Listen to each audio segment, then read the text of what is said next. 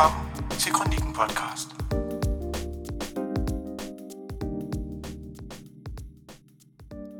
Se, det er sådan, at i Danmark, der har vi det, der hedder et repræsentativt demokrati.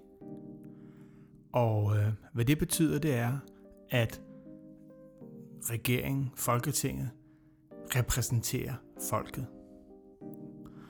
Øhm, og det er derfor, vi stemmer. Så stemmer vi på dem, som vi mener skal repræsentere hver især inde i Folketinget.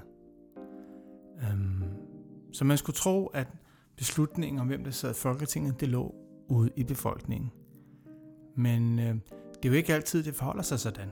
For eksempel kan man sige, at ministre de vælges af partier, og man behøver sikkert at have været stemt ind folkeligt for at blive minister.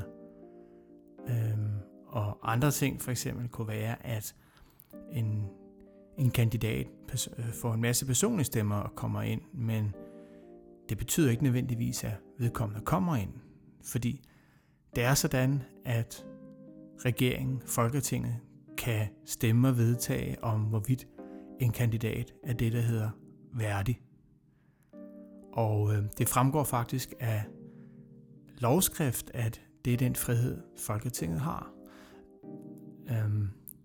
Så kan man så skulle definere, hvad værdig er, og hvis man kigger på det, så er der jo, du kan kigge på det sådan fra et juridisk perspektiv, om man har begået noget lovligt, øh, men man kan også kigge på det, om man som politiker har gjort noget, der er uetisk eller uværdigt.